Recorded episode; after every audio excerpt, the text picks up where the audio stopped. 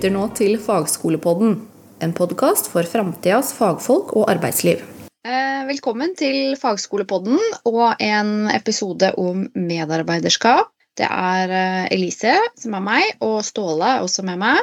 Og vi skal snakke om hva som kjennetegner en god medarbeider, og hvordan man kan utvikle seg i rollen som, som medarbeider. Da. Og så har vi med oss Runar Heggen, som er ekspert på dette med medarbeiderskap. Så velkommen til deg, Runar.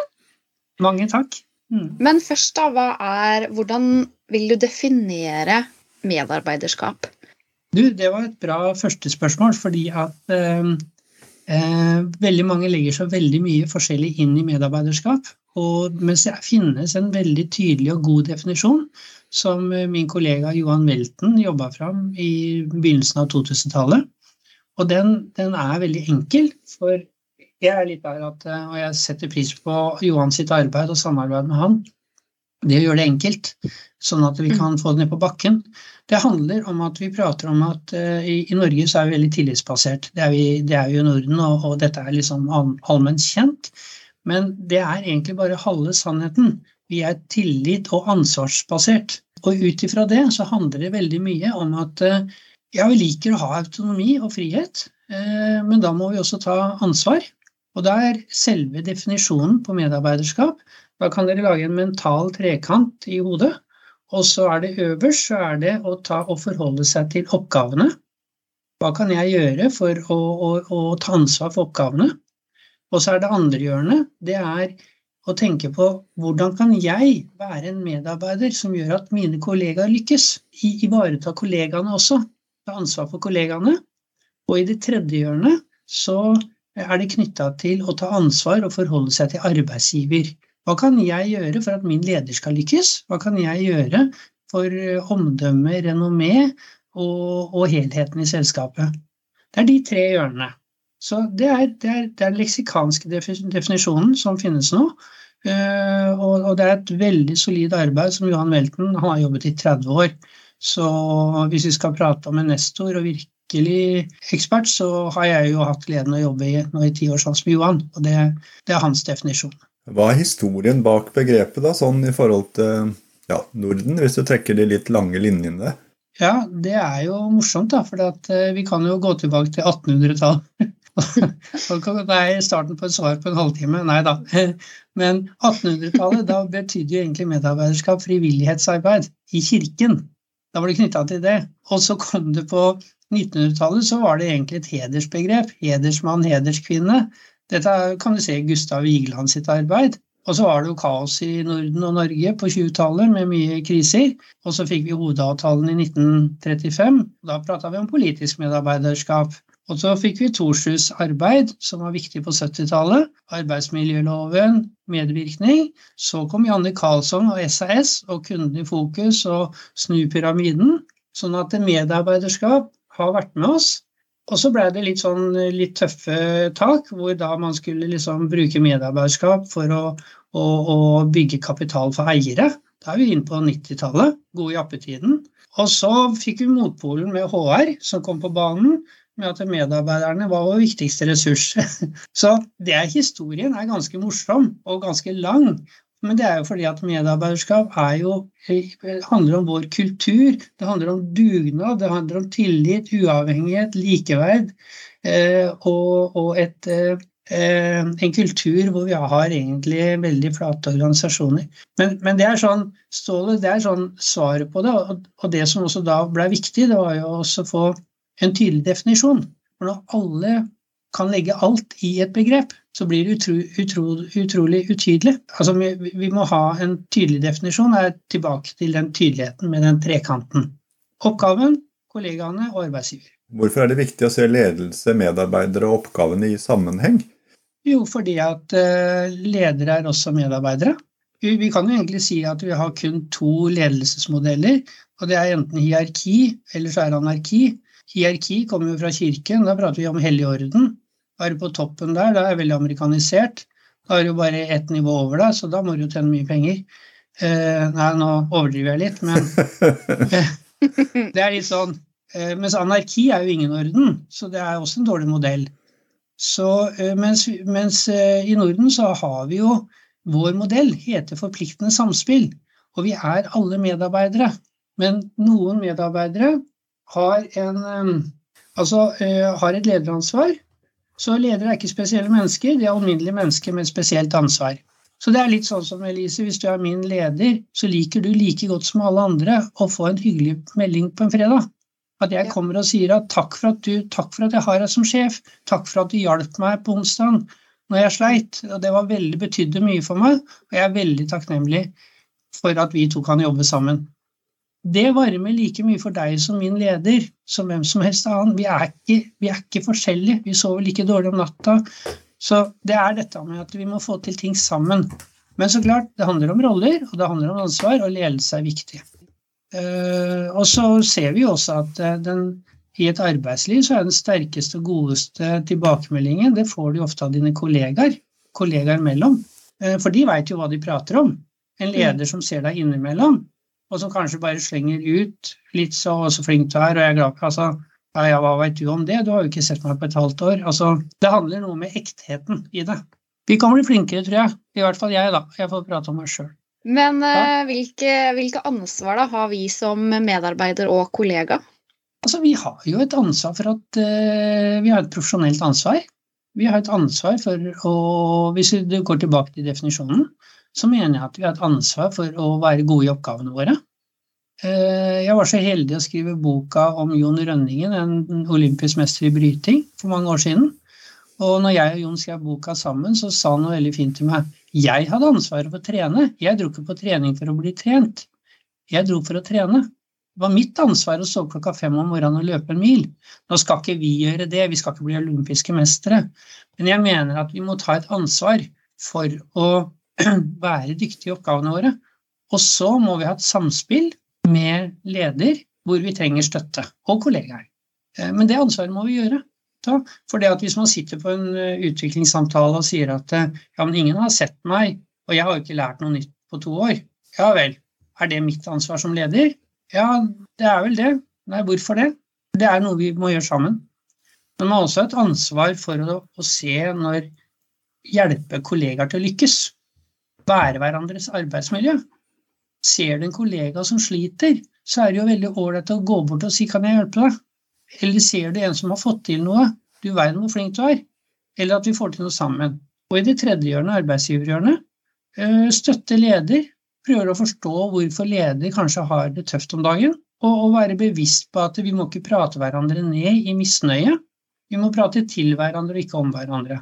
Det er det jeg liker med medarbeiderskap. Det er god folkeskikk. Det er, det er sånt jeg ønsker at mine barn skal tenke. Og da tenker jeg at eh, hvorfor i all verden skal vi importere ting fra USA og andre steder når vi har noe hos oss som, som funker når klassen til dattera mi drar på pølsefest oppe i skauen? De kan det, de skjønner det. Og så blir vi avlært. Hvis vi ser på hva som kjennetegner en god medarbeider, da, jeg tenker at, eh, Og det er det som er så fint, vet du. Jeg kan jo hele tiden fly rett inn i den definisjonen igjen og si at det handler jo om, om, om de tingene. Og da handler det jo om å, å, være en medarbeider som i forhold til jobben tar et ansvar for å være kvalitetsbevisst, tar initiativ, satser ekstra faglig oppdatert og, og, og prøver å spore til å tenke nytt. Og, også en som i forhold til kollegaene viser omtanke, eh, kunne involvere og, og, også kunne dele kompetanse. Man kanskje, for Jeg jobber med en virksomhet nå hvor de sliter litt med å få de som er seniorer og de som er juniorer, til å, å, å matche godt. Men så har de begynt å jobbe med medarbeiderskap, og da begynte de å jobbe med kollegahjørnet, og de starta med å dele kompetanse. Og gjennom å få til det, så fikk de jo også en effekt på oppgavehjørnet, med både nytenkning og kvalitetsbevisst. I tillegg så skaper dette her yrkesstolthet. Eh, så, eh, og når det gjelder arbeidsgiver, så handler det om å respektere beslutninger, se sin rolle, forstå ledelsen og være en god ambassadør og ivareta omdømmet. Vi har fem punkter i hvert av disse hjørnene. Da. Men vi skal ikke gjøre det for teoretisk. Men det må være enkelt, det må være forståelig. Men det som er så flott, det er at hvis du treffer ett av de 15 punktene i de tre hjørnene, så får det en automatisk korrelasjon med de andre. Det er som å kaste ut en, en, en stein i vannet. Det skjer noe positivt. Og en trekant kan vi huske. det blir ringvirkninger, da. Uansett hvor du begynner å dra i disse trådene, så smitter det over på både oppgaver, eh, medarbeidere og lederskap. Ja, det er helt klart. Det er, eh, og det er det som er så fint. Og da tilbake til forskjellen lederskap og medarbeiderskap. Det er jo to sider av samme fenomen, og fenomenet er jo relasjonen. Mm. Det handler jo alt om relasjoner. Og da er det eneste, eneste verktøyet vi faktisk har, det er å prate sammen. Så, så, så, så, enkelt og så vanskelig. Hva er det liksom noen vanlige utfordringer da, man kan møte som medarbeider, og, og hvordan er det man kan håndtere, håndtere, de utfordringene? Jeg tror en utfordring som eh, er litt underkommunisert, det er at uh, som leder så, så må du tørre å slippe opp på kontroll.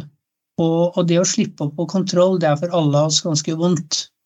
Så det er som når dattera mi, som eh, hun har bare litt syn, hun er sterkt svaksynt, når hun sier til meg og kona mi at hun ville lære seg å sykle, at hun syns ikke tandemsykkelen var så gjev lenger, så er det vondt for oss som foreldre å slippe den kontrollen.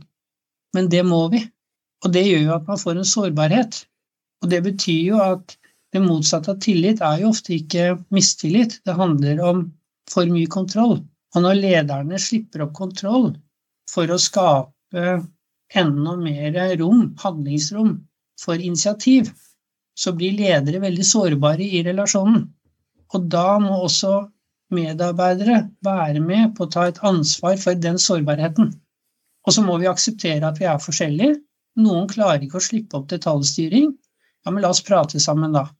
Det er jo sånn jeg er skrudd sammen. Jeg er avhengig av å vite det.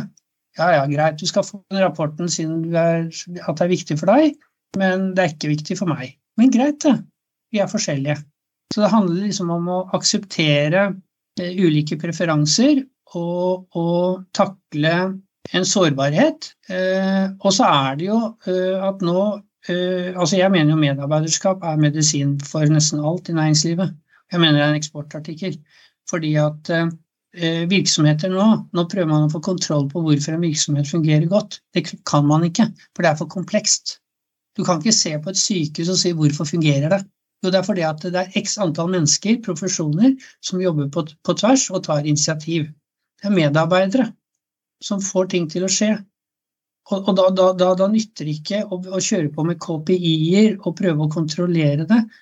Og det er jo der jeg blir litt sånn oppgitt når jeg ser nå at man prøver å forske fram og finne ut av alt mulig. Nei, det går ikke, det. Eh, du, du må akseptere at det, det en virksomhet blir som et menneske.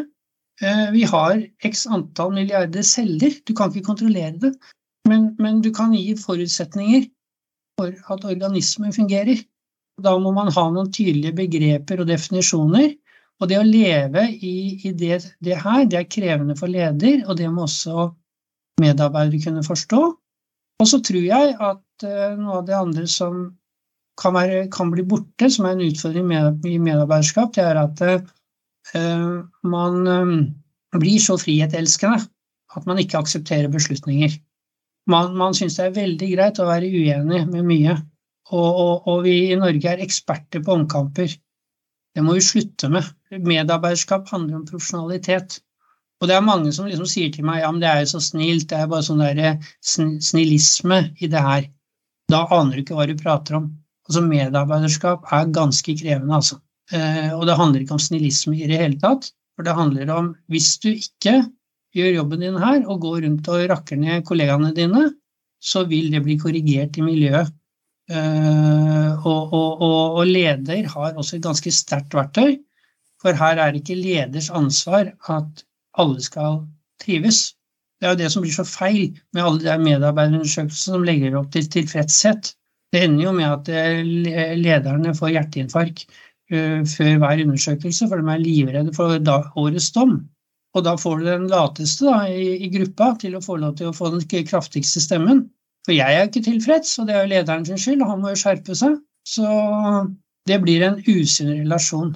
Så det er noen utfordringer, det er mange utfordringer. Derfor så må man jobbe medarbeiderskap jevnt og trutt, øh, og, og jobbe kultur. Det handler jo om kultur, det her. Det var en fin overgang til neste spørsmål. da. Hvordan kan medarbeidere og ledere sammen bidra til et godt arbeidsmiljø? Man må hele tiden eh, ha muligheter til å ivareta dette samspillet. Det handler om et forpliktende samspill som må være en gjensidighet. Og så veit vi jo at den gjensidigheten og den symmetrien, den, maktforholdet er jo forskjellig. Sånn at det må man jo ha et forhold til det også. For noe av det, eh, noe av det som er mest eh, ødeleggende, det er jo hvis det er skjulte agendaer og dobbeltkommunikasjon. Og, der, eh, og da handler det om psykologisk trygghet også. Det er mye som faller inn. Og, og det å være trygge på hverandre. Og ha de gode samtalene. Så vi bruker denne trekanten, kun denne trekanten, med disse 15 punktene. Og så jobber vi med det som et refleksjonsverktøy, samtaleverktøy og utviklingsverktøy. Det er grunntenkninga. Men han betyr litt forskjellig for KV, som med, som er ingeniører, som jeg er så, er så heldig å jobbe med, og Kverneland, som lager verdens beste ploger på Jæren. Så klart det betyr litt forskjellig. Eh, og hvordan kan eh, jeg som medarbeider da, kommunisere godt med mine ledere og kollegaer? Der har eh, vi, vi har en en modell knytta til eh, dialogisk fire grunnprinsipper. Fordi at eh, samtaler er jo ikke enkelt, og forskjellen mellom samtale og dialog er jo at en dialog, der ønsker vi å få til en bevegelse. Og da er de fire gode prinsippene som vi lener oss på, det er vennlig oppriktighet. Alle fortjener vennlighet. Absolutt alle. Men vi må være oppriktige. Og det igjen gjør også at vi må være interessert i hverandre. Nummer to er interesse.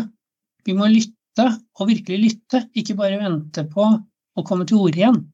Men med vennlig oppriktighet så kan man si ja, men jeg skjønner jo ikke hvorfor kommer du for seint hver dag, og jeg er alltid den som må gjøre jobben. Men, men, Det er kanskje mitt problem, det her, men så sier den andre ja, du, du forstår at jeg starter å jobbe hjemmefra, for jeg er nå aleine med fire barn, og det er sånn og sånn, og, men jeg skjønner jo at det har kanskje vært frustrerende for deg. Og da lytter jeg. Og kanskje jeg lytter såpass mye at jeg sier ja, men du, nå skjønner jeg jo. Og ved at du jobber sånn, det er jo en fordel for oss begge. Så da kanskje vi kan lage en liten annen rutine på hverdagen vår. Og så blir vi enige om noe, og da er det tredje punktet bevegelse. Vennlig oppriktighet, interesse, skape bevegelse. Og det fjerde punktet er respekt. Vi trenger noen verktøy og noen knagger for å få til den gode dialogen. Og det er dialog, våre eh, fire prinsipper på god, på god, dialog. Og så bruker vi det alltid sammen med hoveddefinisjonen av medarbeiderskap, som handler om den trekanten som tar ansvar for oppgavene av kollegaer og arbeidsgiver. Da har vi sikkert noen som lytter nå og tenkte ja, hvordan kan vi skape en arbeidsplass hvor dette her er ivaretatt? Da har jeg lyst til å, å bare nevne noen eksempler. Eh, jeg nevnte Kverneland i stad, ute på Jæren. Eh, de starta med at vi ble, hadde en samling med alle tillitsvalgte eh, og, og ledere, og også noen medarbeidere, hvor de jobbet med medarbeiderskap en dag. Deretter så har de jobba med det blant alle de 600 medarbeiderne. Så den trekanten jobber man med i, overalt i hele organisasjonen. Så den trekanten den henger rundt omkring i produksjonslokalene hos Kverneland. Fordi at eh, det som ofte skjer, det er jo at eh, eh, vi sender folk på lederkurs etter lederkurs etter lederkurs. Og det er jo flott for denne ledelsesindustrien. Det er veldig populært å hele tiden prate om at problemet vårt er alle disse dårlige lederne. Jeg møter veldig mye flotte folk jeg, som er ledere. Så, jeg, det blir litt sånn som om Heidi, kona mi, skulle sendt meg på et samlivskurs fordi hun mente at jeg var ubrukelig ektemann. Og så sier hun at du må dra på fredag, og så drar jeg aleine og kommer tilbake på søndagen. Og på onsdagen så kommer dommen hvor hun sier dette hjalp jo ikke. Altså, Det er jo det samme. Når 10% av virksomheten kun får opplæringa, så er det ingenting det, det er, Vi mangler en relasjon. Det er medarbeiderne. Kverneland skjønte det. Så de har nå utdanna 25 medspillere, kaller de det. De er sveisere, det er rørleggere, det er folk i organisasjonen som da er ambassadører på medarbeiderskap. Og så er det medarbeiderdrevet sammen med ledere og tillitsvalgte. Og da slår man sammen lederskap og medarbeiderskap. Man jobber med det samtidig. Og det eneste du trenger å jobbe med, er en trekant. så får du til noe. Og så følger du det opp ti uker etterpå. Så det her er eh, måter å få det til på. Hva er det som går igjen i de virksomhetene, de som får dette her til å fungere? Det som er så spennende, vet du, og det, det er jo at eh, når man ser på dette med resiliens, de som virkelig lykkes, motstandskraft, og er over, holdt på i over 20 år, så er det jo, for å sitere Stefan Tengblad, professor på Göteborg universitet, som har skrevet bok sammen med Johan og meg, men eh, Stefan har jo funnet at medarbeiderskap og relasjoner er en av de viktigste årsakene til de som lykkes. Så det er egentlig bare å få opp det ubevisste til det bevisste. Fordi at det er vår kultur, og vi har det med oss fra, fra barndommen. Jeg syns det her har vært veldig lærerikt eh, å høre på liksom både erfaringene dine og um, hvor enkelt det egentlig er, selv om det er vanskelig. Mm. Så um, vi må takke Runar for at du var med oss og delte erfaringer og kunnskap. Og så håper vi at lytterne har hatt like stor glede av det som, uh, som deg og meg, Ståle. Du har nå hørt Fagskolepodden, produsert av Fagskolen Vestfold og Telemark.